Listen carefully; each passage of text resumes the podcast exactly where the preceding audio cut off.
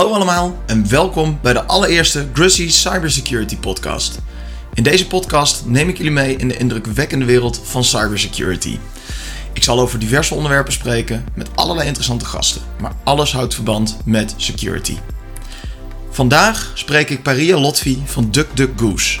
DuckDuckGoose heeft een neuraal netwerk ontwikkeld om deepfakes te herkennen. Daarnaast hebben ze ook nog een eigen platform om heel gemakkelijk deepfakes te genereren. Die kun je dan bijvoorbeeld gebruiken om biometrische systemen te testen. Denk hierbij aan bijvoorbeeld de veiligheid bij je bank-app. Zoals je al hoort, gaat dat nogal wat implicaties op het gebied van IT security hebben. En daar heb ik het vandaag met Paria over. Maar eerst heeft een bijzonder persoon er ook nog wat over te zeggen.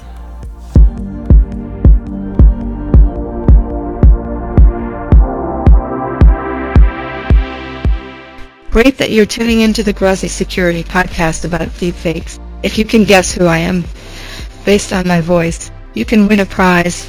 I would give you a hint, but it might get lost in translation. Have fun listening to the podcast.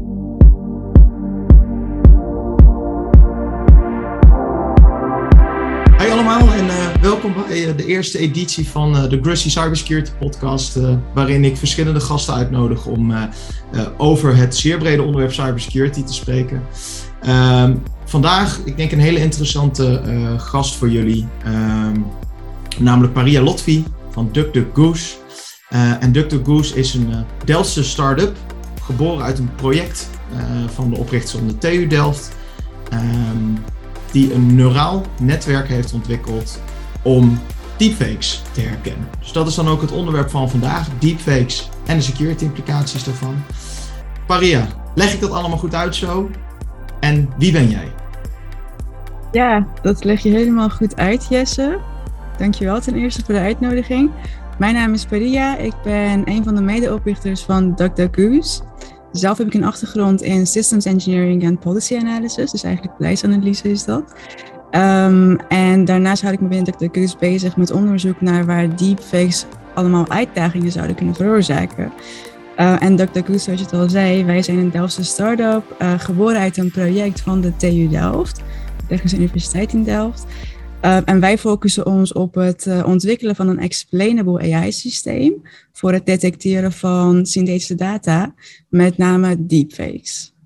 Oké. Kijk, dat is dan een iets betere uitleg dan dat ik het denk ik uh, heb gedaan. Heel fijn.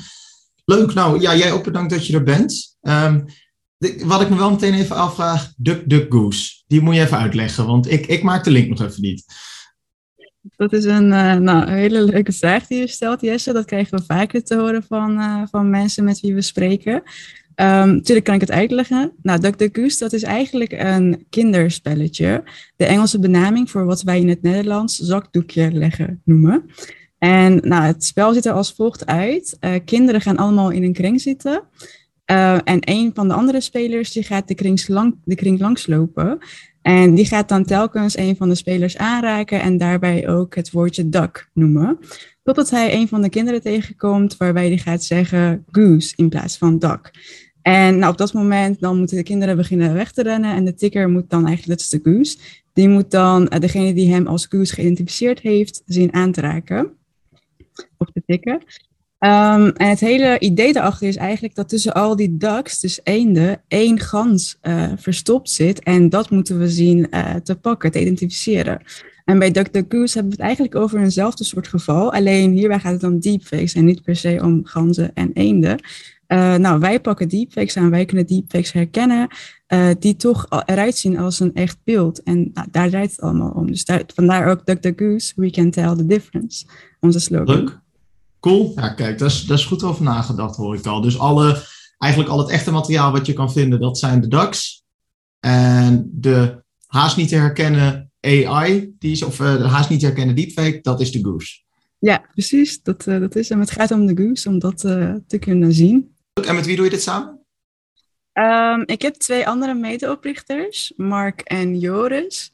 Um, zij werken allebei aan het ontwikkelen van ons algoritme en het verbeteren daarvan.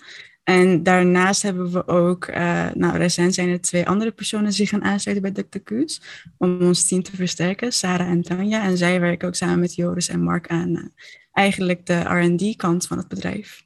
Nou, dat is een, een echte start-up, hoor ik al. is, de, is de vibe ook een beetje zo bij jullie op kantoor? Tenminste, ik weet niet of je op kantoor werkt, maar... nou, we werken voornamelijk online. We zijn eigenlijk tijdens de pandemie begonnen. Dus het kon destijds niet echt anders. We werken online en we proberen inderdaad die start-up vibe heel erg erin te houden. Als we kleine successen bereiken of grote successen, dat dan allemaal te vieren. Um, heel erg cultuur, daar hechten we heel erg veel belang aan. Dat we dus uh, nou naar onszelf de ruimte geven, maar ook onze bijvoorbeeld medewerkers de ruimte geven om zo innovatief mogelijk bezig te zijn. Um, en nou, we gaan binnenkort een kantoor nemen, denk ik, um, in het JS Delft gebouw in Delft. Dus dan komen we ook allemaal bij elkaar zitten met z'n vijven of misschien met uh, meerdere mensen in de toekomst, wie weet. Nou, mooie, mooie vooruitzichten. Ik, uh, ik kom graag een keertje koffie drinken dan, uh, als ja, dat mag. Natuurlijk. Ja, Fijn. Hé, hey, maar um, ja, we zijn, hier, we zijn hier vandaag eigenlijk om een virtueel kopje koffie te drinken, na, om een gesprek te voeren, namelijk over deepfakes en dan nog iets specifieker de uh, ja, IT-security implicaties die deepfakes uh, hebben. Maar misschien is het wel goed, want uh, wellicht weet niet iedereen precies wat een deepfake is. Misschien dat heel veel mhm. mensen er wel van gehoord hebben, maar ja, wat, wat, wat, wat is het nou? Wat is een deepfake? Als we nou kijken naar de term zelf, deepfake, die heeft twee onderdelen, deep en fake. Het eerste deel, deep, dat slaat terug op uh, deep learning, een methode die valt onder machine learning natuurlijk. En daarbij gaat het om eigenlijk een neuraal netwerk met uh, minimaal drie lagen. Dat probeert dan het menselijk gedrag en de menselijke denkwijze na te doen. Uh, nou, die technologie wordt ook gebruikt om deepfakes te maken. Uh, en het tweede gedeelte fake, dat is natuurlijk het Engelse woord voor nep. Dus nou, met deepfakes bedoelen we eigenlijk alle informatie die dus of gemaakt is, of gemanipuleerd is door het gebruik van deep learning modellen. Um, dus dat, dat is de term deepfake. En wat we ook het meeste op dit moment zien van deepfakes, die, die iedereen dan bijna kent, zou je kunnen zeggen, uh, zijn deepfake beelden, met name deepfake gezichten. En daarvan zijn er ook verschillende soorten beschikbaar. Uh, een face swap is de meest bekende, denk ik. Daarbij ga je eigenlijk dan bijvoorbeeld in een foto of in een filmpje, uh, laten we zeggen, mijn gezicht verwisselen met jouw gezicht. Um, een andere vorm is het maken van niet bestaande personen. Uh, daar is een website voor, misschien ken je het wel, thispersondoesnotexist.com. Ja, en elke keer dat je de, uh, de pagina uh, refresht, dan krijg je een helemaal nieuw gezicht voor je van een persoon dat niet bestaat. Althans, die foto is niet gemaakt door een camera, het is gemaakt door een neuraal netwerk. Um, wat we ook zien is dat bijvoorbeeld een andere vorm is dat synthetische data gemaakt kan worden door het laten bewegen van statische beelden. Stel je voor, je hebt een foto van mij, uh, die doet niks natuurlijk. Door het toepassen van uh, AI kan je mij dus laten bewegen, mijn mond laten bewegen, mijn ogen laten knipperen bijvoorbeeld. Um, nou ja, om, om daarmee misschien leuke of minder leuke dingen te gaan doen. Um, en een andere vorm is natuurlijk ook audio deepfakes. Die zien we de laatste tijd ook wel vaak voorbij komen. Waarbij de stem van iemand gekloond wordt. En ook daarmee kan je bijvoorbeeld die persoon of de stem van die persoon alles laten zeggen wat je dan graag zou willen. Dus een korte uitleg over wat deepfakes zijn en verschillende vormen, even globaal. Ja, dat klinkt uh, natuurlijk allereerst super interessant. En ik bedoel, de, de, de use case die je net noemt, dat, dat, dat zijn vooral een beetje grappige uh, dingen natuurlijk. Hè. We kennen, denk allemaal wel, of allemaal, ik denk dat veel mensen wel het filmpje kennen van bijvoorbeeld uh, het, het, het, gezicht van Vert Grapperhaus uh, op Michael van Gerwen. Nou, dat, dat is een heel grappig filmpje natuurlijk. Er zijn ook nog een hele hoop andere use cases. Ik denk ook nuttige use cases. En helaas ook gevallen waarbij er misbruik van kan worden gemaakt. Maar ja. voordat we daarop komen, wat, wat is een beetje de, de geschiedenis van de deepfake? Uh, is dat echt iets wat één persoon uitgevonden heeft ooit? Of is dat langzamerhand een beetje ontstaan vanuit verschillende kanten? Weet je daar wat meer van? Ja, natuurlijk. De technologie is eigenlijk door wetenschappers ontwikkeld. Um, een tijdje terug, vier, vijf jaar geleden. Uh, niet per se met als doeleinde om natuurlijk daar misbruik van te laten maken. Maar het ging eigenlijk om synthetische data, om te kijken in hoeverre neurale netwerken um, dan bijvoorbeeld een mens na kunnen, uh, kunnen maken of andere soorten data na kunnen maken. Uh, en de eerste keer dat deepfakes eigenlijk soort van misbruikt werden is in 2017. uh, op een Reddit-forum. Daar is ook eigenlijk de term deepfake van afkomstig. Het hoofd van een actrice werd namelijk geplakt in een adult content filmpje, in een pornografische video. En dat werd ook verder verspreid vanuit vanuit dat forum. Um, dat is ook het eerste geval wat we kennen van deepfakes. Maar deepfakes zelf die worden gemaakt eigenlijk met, uh, zoals ik het zei, een neuraal netwerk. In het specifiek genaamd Generative Adversarial Networks. En die gebruiken eigenlijk allerlei soorten data na te maken. Zo is het begonnen. Oké, ja, het is ook wel weer bijzonder om te horen dat dan uh, op zich een hele mooie technologie wordt ontwikkeld. En eigenlijk het eerste waar het een beetje voor wordt gebruikt om het publiek te maken is porno. Dat, uh, ja, uh, wel weer veelzeggend misschien over, over een deel van de mensen. Maar ehm, nou, dat nou oké, okay, nee, dus, dus ze zijn eigenlijk ook nog vrij nieuw. Ja, ja, ja, het is eigenlijk vrij nieuw, ja. En als je dan ziet hoe ver het doorontwikkeld is in de tussentijd, dan ehm, uh, ja, dat is natuurlijk wel bijzonder. Uh, nou ja, misschien is dat wel een mooi bruggetje wat dat betreft. Want uh, nou, je hebt al een aantal, um, aantal use cases een beetje toegelicht. Ehm, kun, je nog een paar voorbeelden geven van nuttige, van nuttig gebruik van, van, van deepfakes? Of in ieder geval van de technologie erachter? Ja, tuurlijk. Ja, die zijn er zat inderdaad. Um, er zijn veel voordelen van, van synthetische data. Um, een daarvan is bijvoorbeeld het genereren van um, namaakdata, zou je kunnen zeggen, gebaseerd op privacygevoelige gegevens van bijvoorbeeld wij mensen. En dat kun je dan gebruiken voor het stimuleren van data-driven innovation binnen bedrijven. Want tegenwoordig mag je niet zomaar gegevens van mensen gaan gebruiken om daarmee allerlei analyses uit te voeren. Maar in het geval van NEP of synthetische data mag het dus wel. En een ander voorbeeld is dat, uh, nou, we zien het veel terug in de modellenwereld, zou je kunnen zeggen. Uh, er zijn verschillende startups bezig bijvoorbeeld met het uh, maken van synthetische modellen, deepfake modellen. En die kunnen ingezet worden bij, nou, in een specifieke tak uh, fotomodellenwerk eigenlijk. Um, en daarbij kan je denken aan webshops. Bijvoorbeeld Zalando, die heeft heel veel items. Uh, heel veel kleding, die moeten allemaal uh, gedragen worden door een model, gefotografeerd worden en vervolgens gepubliceerd worden. En nou, dat gedeelte kan je dus vervangen door een synthetisch model. Dus dan hoef je niet meer te gaan fotograferen, niet meer allemaal modellen te gaan inhuren. Dus dat wordt allemaal nou, veel makkelijker. Um, Natuurlijk wel heel mooi. Het doet me ergens ook een, een, een klein beetje pijn vanuit mijn hobby als, uh, vanuit mijn hobby als fotograaf. dat die op ja, die manier wat werk wordt onthouden. Nee, maar ik, uh, ik snap het natuurlijk ook voor die bedrijven, want die hebben echt heel veel kleding. Dus, uh... een, een ander voorbeeld, Jesse, is dat nou ja, een voorbeeld met meer maatschappelijke impact. Een um, onderzoek wat ik, waar ik recent van heb gehoord, is dat deepfakes ook gebruikt kunnen worden voor het genezen van bepaalde um, soorten mentale toestand. En daarbij kan je denken aan een toestand waarbij je bijvoorbeeld niet zomaar naar buiten durft te gaan.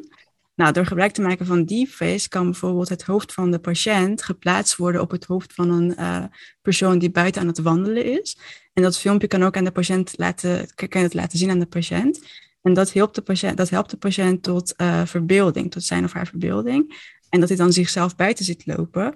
En de verwachting is dat je dan daarbij ook uh, in, in de praktijk eigenlijk meer gaat durven. En ook misschien zelfs naar buiten kan gaan, omdat je jezelf al buiten hebt zien lopen. Aan de hand van deepfake technologie. Um, dat die mensen zich misschien zo, zo slecht meer kunnen voorstellen dat ze überhaupt buiten zouden komen. Dat, ja. dat, ze het eerst weer visueel, dat het eerst weer visueel gemaakt moet worden van hé, hey, er, er, er is een daadwerkelijke mogelijkheid dat jij de deur uitloopt en buiten bent. Precies, dat helpt dan. Want de imagination kan je natuurlijk gebruiken om allerlei dingen te bereiken. Er zijn veel, veel boeken over geschreven. Uh, En dat, dat zou dan ook hen uh, kunnen helpen, bijvoorbeeld dat soort patiënten. Um, of bij het verwerken van verlies. Stel je voor dat uh, iemand een dierbare verliest. Door het terugbrengen van beelden van die persoon tot leven, kan dat dan natuurlijk ook wel nabestaanden helpen om het verlies beter of makkelijker te verwerken. Dus okay. dat is nog een voorbeeld wat ik zou kunnen ja. bedenken. Een andere is wat we ook allemaal kennen natuurlijk. Uh, je noemde zelf net een voorbeeld daarvan. Entertainment. Er worden heel veel grappige filmpjes gemaakt aan de hand van technologie. En daar uh, kunnen we met z'n allen om lachen. Ja, ja nee, dat, dat, dat is zo. Ik heb er ook hartelijk om gelachen om het voorbeeld wat ik net noemde. Dus uh, oké, oké. Okay. Nou, dat, kijk, dat zijn dan wel een aantal dingen waar ik zelf eigenlijk niet zo over nagedacht had in, de, in de toepassingen ervan. Ja, het meest zichtbaar zijn natuurlijk wel een beetje de de grappige filmpjes, die, die zie je natuurlijk langskomen. Die worden op je timelines verdeeld en zo. Dus um, ja, dat, dat zijn in ieder geval hele, ja, hele, hele nobele doelen, denk ik. Om, uh, of, of, of, commercieel interessante doelen in het geval van die modellen om, uh, om, om, te hebben met deepfakes. Ehm, maar er zijn ook al gevallen bekend, geloof ik, waar slechte actoren er een loopje mee hebben genomen. Hè? Ja, die zijn er ook zeker. Ja, of, nou helaas, die zijn er. Um, als ik daarvan een voorbeeld moet noemen, nou kijk, die technologie wordt gebruikt voor het creëren of manipuleren van digitale informatie. En als dat gebeurt, dan heeft dat een enorme potentie uh, om gebruikt te worden voor criminele doeleinden. Denk daarbij bijvoorbeeld aan chantage, beïnvloeden van verkiezingen uh, of toebrengen van reputatieschade aan bekende figuren. En tot slot ook nog bijvoorbeeld het voor de gek houden van biometrische systemen. Ja. Um, en recent zijn er wel uh, sinds dus 2017 zijn er wel een aantal gevallen bekend waarbij deepfakes ook toegepast zijn om individuen, maar ook grote massa's te beïnvloeden. Um, een voorbeeld daarvan is uh, een journaliste uit India, ze heet Rana Ayub. En in 2018 uit mijn hoofd is haar hoofd wederom geplaatst in een adult content pornofilmpje. Um, omdat zij eigenlijk opkomt voor de rechten van de vrouw in India. En uh, nou ja, mensen probeert te helpen daar, vooral mensen die seksueel misbruikt zijn. En daar waren een aantal mensen tegen blijkbaar. Ze vonden het niet leuk dat ze dit deed. Dus ze hebben haar hoofd geplaatst in een pornografische video, waarmee dan eigenlijk haar carrière bijna geëindigd werd. Want iedereen geloofde dat. Uh, dus ze werd niet meer serieus genomen. Het is natuurlijk ook wel taboe in India als je in zo'n filmpje bent. Dus nou, dat was voor haar heel erg devastating, zou je kunnen zeggen. Um, en wat er ook nog bekend is, ik noemde net de audio deepfakes, dat je ook de stem van iemand aan doen met, uh, met de technologie. Nou, ik weet dat jij samenwerkt met je vader, Jesse, klopt dat? Ja, klopt. Nou, heel leuk, maar stel je voor dat, dat hij dan jou ineens belt en zegt van, nou, hey Jesse, ik heb uh, een bedrag van 100.000 euro nodig, uh, kan je het snel overmaken naar die ene rekening? En nou, jij gelooft het natuurlijk wel meteen, want je hoort je vader. Ik zou het ook wel geloven als ik uh, mijn vader zou horen aan de telefoon. En dat ma maken we dan over. Maar eigenlijk is het dus uh, niet je vader, maar een deepfake stem. Dat is ook eigenlijk wat gebeurd is met een Duits bedrijf. De CEO van een bedrijf heeft dan uh, zogenaamd een medewerker gebeld en gevraagd om een transactie uit te voeren. maar achteraf bleek eigenlijk dat het helemaal geen CEO was van, van het bedrijf, maar iemand anders, een deepfake stem. Wow, um, ja. En dat ging eerst gewoon met een e-mailtje natuurlijk, de bekende, de bekende CEO-fraude. Ja. Uh, ja, dat, dat is inmiddels wel redelijk te spotten, maar nu hoor je dus gewoon de stem, de, de, de echt, ja, niet de echte stem dus, maar de stem van je CEO aan de telefoon, die het dus daadwerkelijk opdraagt aan je. Ja, precies, die daadwerkelijk een opdracht geeft aan je. En op dat moment, als je ook zegt van het is urgent, moet je nu overmaken, dan kan ik me voorstellen dat heel veel mensen dat gewoon gaan uitvoeren eigenlijk. Ja. Omdat ze denken van dat is mijn CEO, dus ik moet het gaan doen. Ja, nou, dat is natuurlijk een hele financiële dreiging. En wat, wat zijn bijvoorbeeld nog, nog ja, wat zijn andere dreigingen die deepfakes kunnen hebben? Misschien op internationaal of nationaal niveau, misschien in de, in de, de politiek, politieke besluitvorming. Ja. ja, want deepfakes kunnen eigenlijk meerdere niveaus, meerdere lagen in onze samenleving beïnvloeden. Uh, denk bijvoorbeeld aan wetshandhaving. Uit onderzoek blijkt dat in 80% van rechtszaken bewijslast uh, geleverd wordt, wat dus betrekking heeft op uh, videomateriaal bijvoorbeeld of uh, foto's. En onderzoekers vanuit de politie of het NFI in het geval moeten bijvoorbeeld nagaan of het beeld authentiek is en of het dus ook bruikbaar is voor in de rechtszaak.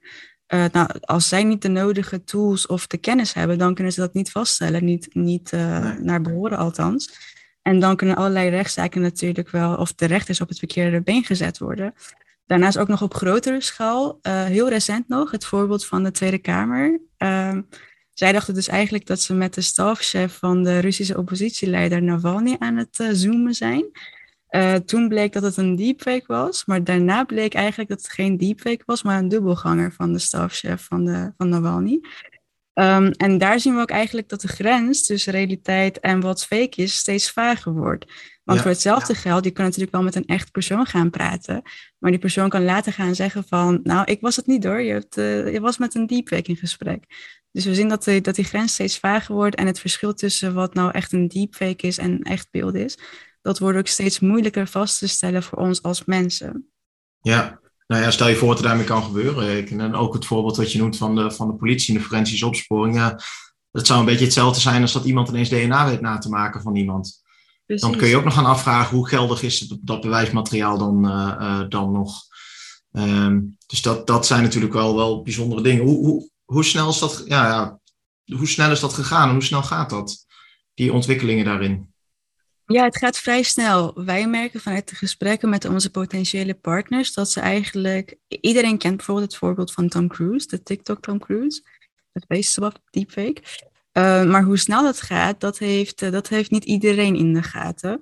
Nou, tegenwoordig kan je ook met bijvoorbeeld een open source technologie genaamd Deepface Live, kan je zo'n Zoom meeting of een Teams meeting met een ander gezicht gaan joinen.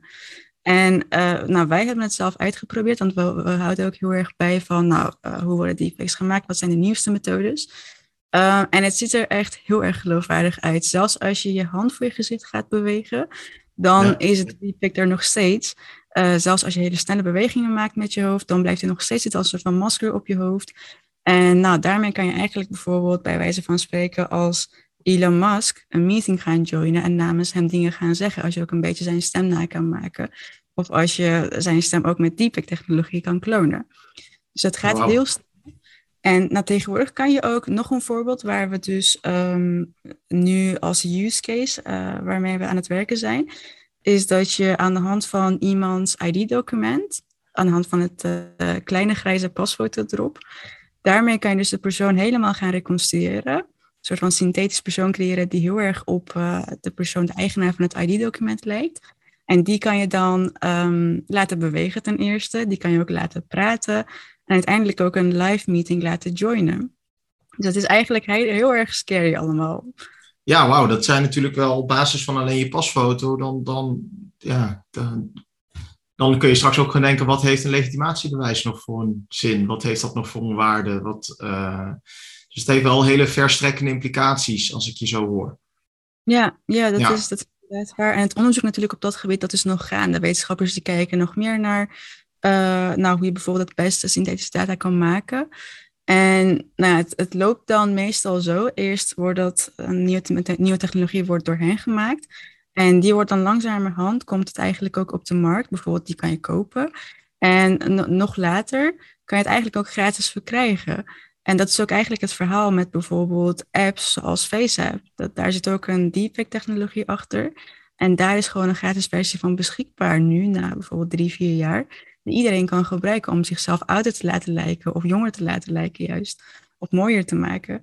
En hetzelfde gebeurt ook met andere soorten open source software. Bijvoorbeeld degene die ik net noemde, Deepface ja. Live. Die is nu wel open source beschikbaar. Maar wat wij voorspellen is dat natuurlijk over een tijdje, dat het dan in de vorm van een app uh, voor iedereen gebruiksklaar zal zijn, ook al heb je helemaal geen technische kennis. Dus dat is hetgene wat het een beetje eng maakt. Dat het steeds meer open source en ook beschikbaar wordt voor iedereen, met of zonder technische kennis. Dus eh, wordt het daardoor de, uh, door het zo open beschikbaar te maken op verschillende platformen via apps, wordt daarmee de ontwikkeling ook niet nog verder versneld? Is het niet dat, dat die data die daaruit verkregen wordt ook nog gebruikt wordt om het te verbeteren? Uh, en ik geloof misschien, er is een tijdje geleden ook nog een vraag geweest met, ik weet niet of dat FaceApp was of een andere, dat die ook met de data, dat dat privacy technisch niet, uh, niet helemaal in orde was, geloof ik. Okay. Wordt die data dan ook gebruikt uh, van zoveel mensen tegelijk om, om daar iets mee te doen? Dat je in principe nog kunnen doen. Uh, als de eigenaar van zo'n app zijnde. Um, natuurlijk, als je daar toestemming voor vraagt aan de gebruikers. Als we een app dan daarin gebruiken, dan gaan we ook automatisch eigenlijk mee uh, met hun gebruikersvoorwaarden. Ja, dus als we het ja. daarin opnemen, dan zou je eigenlijk technisch gezien dat dan wel kunnen doen. Uh, dat je die data gebruikt om uh, die ontwikkelingen te gaan versnellen en je neuraal netwerk beter te gaan maken. Want daar draait het eigenlijk om, om data. Meer data, data die eigenlijk representatief is voor allerlei soorten mensen. Dus technisch gezien zou het wel kunnen, ja. Het is natuurlijk dan gaan kijken, ja, hoe, hoe, hoe zorgen we ervoor dat het op een, op een juiste manier doorontwikkeld wordt en dat het voor de juiste, dat het voor de juiste dingen gebruikt wordt, denk, denk ik. Want er zit dus wel, een, ja, het kan voor hele goede dingen gebruikt worden, maar het kan ook voor heel slechte uh, use cases gebruikt worden. Um, maar daar zit dan volgens mij ook wel een beetje jullie businessmodel in, hè? Ja, ja dat klopt. Ja, ja. want dat, dat, dat zit hem in de, de aanpak eigenlijk van de, um, de deepfakes met een slechte bedoeling. Hè? Uh, dat, dat uh, nou ja, goed, misschien, misschien kun je daar wat meer over vertellen. Want uh, hoe, hoe houden jullie deepfakes uit elkaar van, van het echte? Hoe zie je wat, wat de slechte bedoeling is? Nou, goed, ik stel het een beetje open, maar kun je daar wat meer over vertellen? Ja, ja, tuurlijk. Nou, wij hebben als uh, visie het uh, realiseren van een digitale omgeving waarin we nog kunnen geloven in wat we waarnemen, met name ook zien. En om dat, te kunnen, om dat waar te kunnen maken, hebben wij een neuraal netwerk ontwikkeld dat in staat is om deepfake gezichten in een foto of een video te onderscheiden van echte gezichten. Um, en dat doen we niet alleen maar door een binaire klassificatie van fake of echt, maar daarbij leggen we ook uit aan de hand waarvan het neuraal netwerk ziet dat een bepaald beeld een deepfake betreft. En dat doen we omdat uh, nou, onze partners, maar vooral ook wij zelf, we vinden het belangrijk dat zo'n neuraal netwerk niet uh, de baas wordt over de mens. Dat wij niet zomaar blindeloos gaan geloven in wat het neuraal netwerk zegt, maar dat we ook zelf door middel van onderzoek en ons eigen verstand het kunnen onderbouwen. Um, dus zodoende zijn we dan te werk gegaan. Op dit moment maken we nog geen onderscheid tussen de context uh, van bijvoorbeeld een deepfake beeld. We kijken daar nog niet naar. We proberen... Hoe bedoel je de context? Um, dus we kijken niet van, is het deepfake met kwade doeleinden opgesteld en verder verspreid? Of is het juist iets, uh, net zoals de Tom Cruise video, is het juist iets bedoeld voor grappige doeleinden? Dus dat, dat doen we niet. Maar dat komt dan ook eigenlijk door um, de sectoren waar we ons op focussen. Dus in, in die context is het dan nog niet belangrijk om te weten van nou, waarvoor is de deepfake gemaakt, maar is het een deepfake of geen deepfake? Ja. Um, en waarom is dat zo? Dus dat is belangrijk. Oké, en, en hoe, ja, ik, um, misschien dat je niet al te veel uh, kan zeggen over hoe je het precies doet, maar misschien voor de, voor de techneuten onder ons, voor de, uh, voor de AI-specialisten onder ons, zeg maar, kun, kun je wat meer misschien wat technische toelichting geven? Ja, ja, dat kan ik wel proberen. Die niet te ver in de diepte gaat, dat snap ik dat, dat, dat jullie willen ook wat voor jezelf houden, maar misschien dat je er wat meer over kan vertellen. Ja, ja, nee, tuurlijk. Nou, we gebruiken verschillende datasets voor het trainen van uh, een neuraal netwerk wat we hebben ontwikkeld. Um, en nou, die datasets die, die uh, proberen we zo representatief mogelijk te maken. En daar voegen we ook onze eigen deepfakes aan toe. Dus uh, dat, om het sowieso om de coverage van de soorten deepfakes zo groot mogelijk te maken. En wat het neuraal netwerk doet, is dat het dan getraind is op um, om te kijken welke soorten karakteristieken zijn er in het menselijk gezicht, in een echt gezicht. En wat, wat zijn de verschillen tussen een echt gezicht en een nep gezicht, die dus gemaakt is door een andere AI. En zodoende gaan we dan te werk. En zodra er verschillen zijn, uh, dingen die opvallen, dan wordt dat dan gehighlight voor de gebruiker. Van nou, bijvoorbeeld hieraan kan ik zien dat het een deepfake is. Aan bijvoorbeeld het rechteroog van de deepfake persoon. Oké. Okay. Zijn dat zijn dat fundamentele verschillen die altijd blijven bestaan? Of zal dat wel echt steeds, steeds lastiger worden? Ja, dat is ook een van de vraagstukken waar wij ons heel erg mee bezighouden. Op dit moment laat de deepfake-technologie nog wel uh, traces achter, zou je kunnen zeggen. Niet altijd voor de mens zichtbaar, maar dus wel voor een ander neuraal netwerk. Uh, of dat in de toekomst beter gaat worden, dus beter qua geen artefacten meer, dat zou kunnen. Um, maar we zijn dus bezig om te kijken van op het moment dat het wel zo is, dat we zover zijn, hoe kunnen we anders uitleggen aan de gebruiker waarom wij een deepfake gevonden hebben. Ja. Dus dat is iets wat waar uh, mijn co-founders en uh, de rest van het team zich uh, dagelijks mee bezighoudt. Ja, ik denk dat jullie ook wel in een redelijke red race van een veld begeven, zeg maar, waarin je eigenlijk ja, altijd aan een wedstrijd bezig bent, dus om, om, om bij te houden of in te halen hoe de technologie ja. zich ontwikkelt. Ja, ja, soms noemen wij het een soort van cat-and-mouse game. Ja. Uh, eigenlijk hetzelfde als een soort van antivirus software. Want daar is het ook, nou, er komt een malware uit, die wordt gedetecteerd en dat wordt toegevoegd aan de anti antivirus software. Om dat voor, voor, voor de volgende keer te kunnen herkennen. Dat zou je ook voor het geval van deepfakes kunnen zeggen. Dus er komen nieuwe methodes, nou, wij zien dat, we monitoren dat. En nou, we gaan ons netwerk trainen om dat soort uh, deepfakes ook te kunnen herkennen. Maar er zijn natuurlijk ook wel methodes om uh, misschien wel voor te kunnen blijven. Um, daarbij kan je denken aan bijvoorbeeld uh, weer AI-methodes, die dus kunnen voorspellen wat voor soorten deepfakes in de toekomst gemaakt kunnen worden. En daarmee als het ware een soort van vaccinatiefunctie uh, okay. hebben voor nou ja, het, het detectiesysteem. Maar dat is natuurlijk wel iets, iets, iets wat heel erg in de onderzoeksfase is nog bij ons, om te kijken of we ook onbekende soorten deepfakes kunnen detecteren, ja. um, wanneer we die voor het eerst zien. En dan ligt het daarmee dus wel, want ik, hè, omdat ik uh, natuurlijk actief ben in de cybersecurity, dat, dat um, het klinkt wel alsof dit een, uiteindelijk gewoon een integraal onderdeel moet gaan worden van uh, security als branche. Omdat daar de implicaties gewoon heel erg groot in, uh, in zijn. En ook wat je zegt, het, het, het, het kat-en-muisspel. Ja, dat speelt zich natuurlijk ook in de hele IT-security af. Dus in die zin sluit dat goed aan, denk ik zo.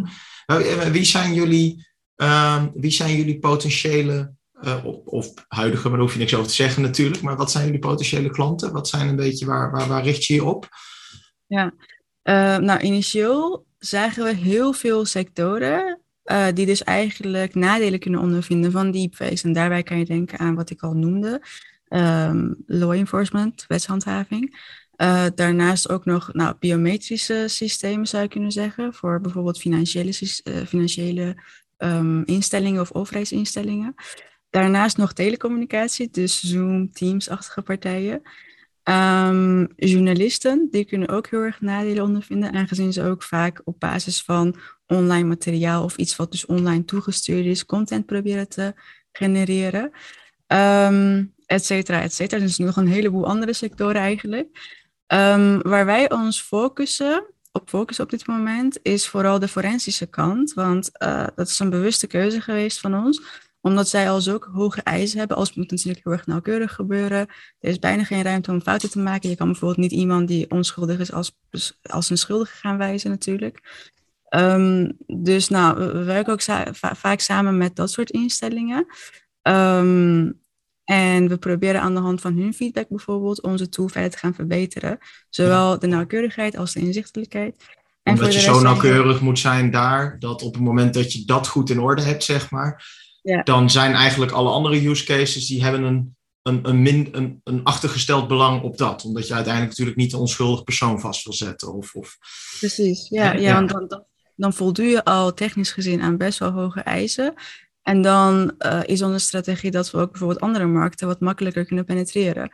Um, een voorbeeld van een andere markt, wat ik al net noemde, financiële sector. En de use case die we daarbij zien, die heeft eigenlijk heel erg te maken met de, met de onboardingprocessen. Uh, want zoals je het misschien wel weet, tegenwoordig kan je met maar uh, één selfie van jezelf, plus een paspoortfoto, een bankaccount gaan maken. En daarmee ook allerlei transacties uh, laten uitvoeren. En dat selfie-gedeelte is heel erg deepfake gevoelig. Dus je kan ook bijvoorbeeld in plaats van jezelf een deepfake gaan presenteren aan het ID-verificatiesysteem. En daarmee dus bij wijze van spreken een ergens een bankaccount aanmaken. Dus dat zijn we ook heel erg aan het onderzoeken van, nou, waar worden die fakes op korte termijn een probleem? En dan zodanig dan use cases opstellen. Wordt dit al gedaan? Um, welke bedoel je? De, het voorbeeld wat je nu noemt bijvoorbeeld, zijn er misschien al gevallen bekend? Of ja, ik kan me voorstellen dat de banken daar niet zo open over zijn, maar uh, van bijvoorbeeld neprekeningen die op die manier geopend zijn. Of ja, rekeningen die op die nepmanier ook geopend zijn. Ja, er is wel een vergelijkbaar geval bekend. Uh, april van dit jaar uh, is een groep criminelen het Chinese belastingssysteem gaan hacken met, met een deepfake. En daarbij hebben ze uit mijn hoofd iets meer dan 75 miljoen dollar kunnen stelen. Omdat ze het dus voor elkaar kregen om nep-accounts aan te maken. Dus dat oh, is een bekend en dat, met, en dat met software en technologie die inmiddels vrij gemakkelijk en voor vrij weinig geld te verkrijgen is. Ja, ja, ja geen geld. Geen geld. Dus er zijn allemaal open source beschikbaar, zou je kunnen gebruiken. Ja, ja. ja, dus dat, uh, nou, dat, dat brengt me misschien al wel bij het volgende uh, punt. Want, want wiens verantwoordelijkheid is het uiteindelijk om uh, deepfakes te bestrijden? Ja, dat is een hele goede vraag. Iets waar ook wij zelf, maar ook andere organisaties, onze potentiële partners een beetje mee zitten en telkens aan denken. Ik denk persoonlijk dat je het niet aan één iemand de verantwoordelijkheid moet geven, of één instantie of één sector, om het uh, probleem aan te pakken, om de uitdaging aan te pakken. Ik denk dat er vanuit meerdere lagen actie ondernomen moet worden. En daarbij kan je denken aan bijvoorbeeld wetgevende instellingen, um, nou, bedrijven zelf, commerciële bedrijven zelf, maar daarnaast ook onderwijs- en onderzoeksinstellingen. Um, dus ik denk dat er heel erg een, uh, een multidimensionale aanpak nodig is om het probleem enigszins goed te kunnen adresseren. Ja, maar wie neemt daar de leiding in dan? Want dat is natuurlijk, iedereen moet eraan meewerken. Maar vind jij misschien dat de overheid daar de leiding in moet nemen? is dat echt iets wat vanuit de, de private sector moet gebeuren? Ehm, is, is er regelgeving nodig? Nou, uit mijn eigen ervaring, ik heb wel eens vaker gehoord dat bijvoorbeeld medewerkers van zeer grote instellingen, um, nou, die hebben het over dat er op dit moment bijna geen wet en regelgeving bestaat. Uh, om iets te kunnen doen tegen deepfakes. Dus hun suggestie is dan ook, laten we afwachten om te kijken wat de wet gaat voorschrijven. En dan gaan wij het toepassen. Dus als ik dan uh, nou, dit soort experts zo hoor praten, denk ik dat het misschien wel bij de wet en regelgeving um, als eerste stap, als we dan een eerste partij moeten definiëren, dan zou ik dat dan um, misschien toewijzen. Want heeft, wat uh, heeft, hebben de wetgevers, heeft de overheid, hè, de wetgevers hebben die daar al op gereageerd? Hebben die uh, misschien al uitingen gedaan dat ze daarmee bezig zijn? Of? Um, ja, niet specifiek met deepfakes. Um, nou, ook wel eigenlijk. Maar ik heb het dus eigenlijk over de, de DSA, Digital Services Act.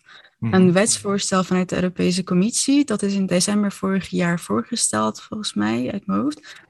En um, een van de, uh, de, regels daarin, richtlijnen daarin, die betreft het uh, aanpakken van neppe, neppe data. En Lead 68 uit mijn hoofd, die stelt allerlei platforms, online en internetplatforms, verplicht om op hun netwerken op zoek te gaan naar nep, nep content. En om dat dan te verwijderen. Hoe dat gedaan wordt, is aan die bedrijven zelf, aan die platforms zelf. Maar er moet dus inderdaad wel, zodra het voorstel aangenomen wordt, moeten dus wel allerlei bedrijven zoals Google, uh, Facebook, YouTube uh, aan de slag om uh, alles wat nep is uit hun platforms te halen. Oké, okay, nou, dat is misschien al wel een, een goede, goede eerste stap natuurlijk. Maar dat klinkt nog wel, dat klinkt nog wel een beetje als, als toekomstmuziek waar ze nu mee, waar ze in ieder geval wel mee bezig zijn. Dus dat is mooi. Maar wat nog wel allemaal moet gebeuren. Hoe, hoe zie jij dat een deepfake aanpak nu geïntegreerd is bij organisaties? Is, zit dat, uh, wordt dat al vaak meegenomen in een uh, security beleid? Ja, ja, wat ik dus zie, Jesse, is dat heel veel organisaties, zowel groot als klein, die beginnen steeds meer zich bewust te worden van dat deepfakes risico's met zich mee kunnen brengen. Maar wat nou precies die, risico's zijn, dat is nog een vraagstuk bij hen.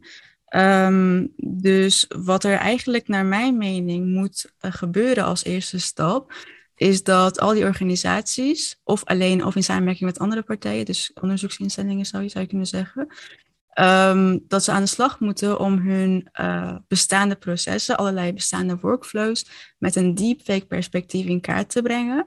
Kijken waar dus welke punten zouden kunnen liggen als het gaat om een deepfake attack bijvoorbeeld. En dan vanuit daar, dus wanneer dus welke punten vastgesteld zijn, vanuit daar dan te gaan kijken, oké, nou we weten waar, de, uh, waar eigenlijk de pain ligt, zou je kunnen zeggen. Wat moeten we dan tegen gaan doen om dit dan zo goed mogelijk aan te pakken?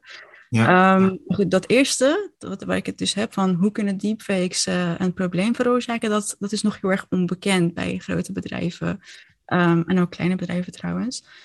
Um, vanwege misschien onder andere het feit dat deepfakes nog zo nieuw zijn en uh, dat er bijna geen bekende use cases zijn bij bedrijven zelf. Eén ding wat ook wel meespeelt is dat, nou, we vragen heel vaak bijvoorbeeld aan onze potentiële partners van, heb je wel eens een deepfake case meegemaakt? Het antwoord is dan vaak nee. En dan vervolgens vragen wij van, oké, maar check je daar actief op? Controleer je dat? Ja, dan, weet je dat? Ja, weet je dat? En dan is het van, uh, eigenlijk nee, dat doen we eigenlijk niet. Dus dan, uh, daar ligt het ook misschien wel aan dat ze op dit moment niet actief checken en dan ook niet weten um, hoe groot het probleem is op dit moment. Nou, hopelijk wel na het uh, beluisteren van deze podcast. Hopelijk kunnen we wat, uh, wat security managers hier en daar uh, de ogen verder, nog verder openen wat dat betreft. of wat wat boards misschien wel. Um, heb jij misschien een, um, heb jij een tip of tips voor die mensen om te beginnen met een deepfake aanpak? Wat raad je aan om als eerste te doen?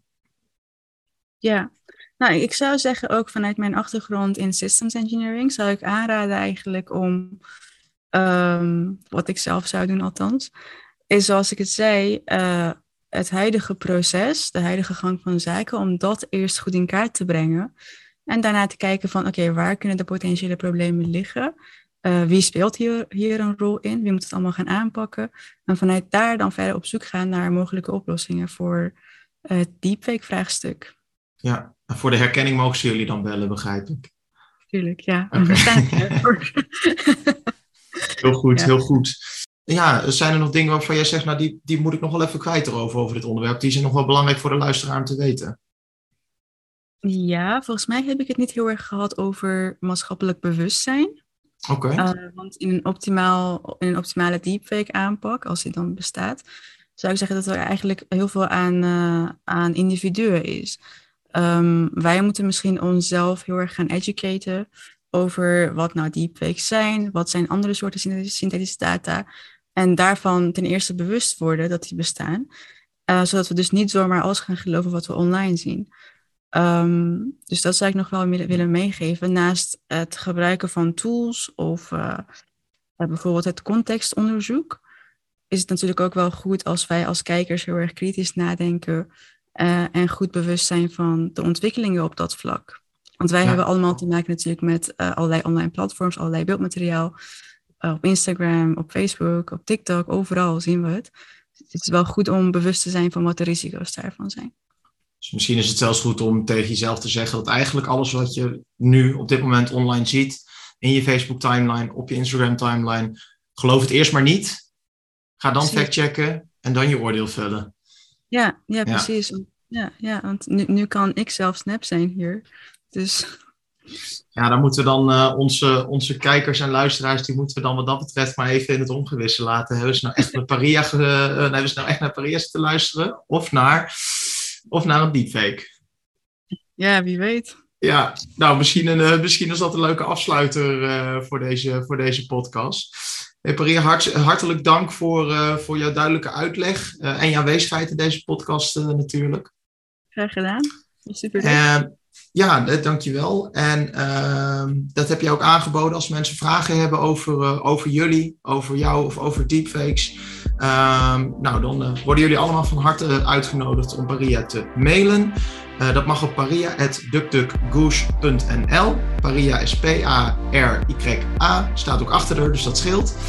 Um, en mocht je nou meer willen weten over, uh, over uh, of deze podcast, dan mag je het mij laten weten op uh, nou, dan denk ik dat we hiermee afsluiten en hopelijk luisteren jullie de volgende keer weer allemaal.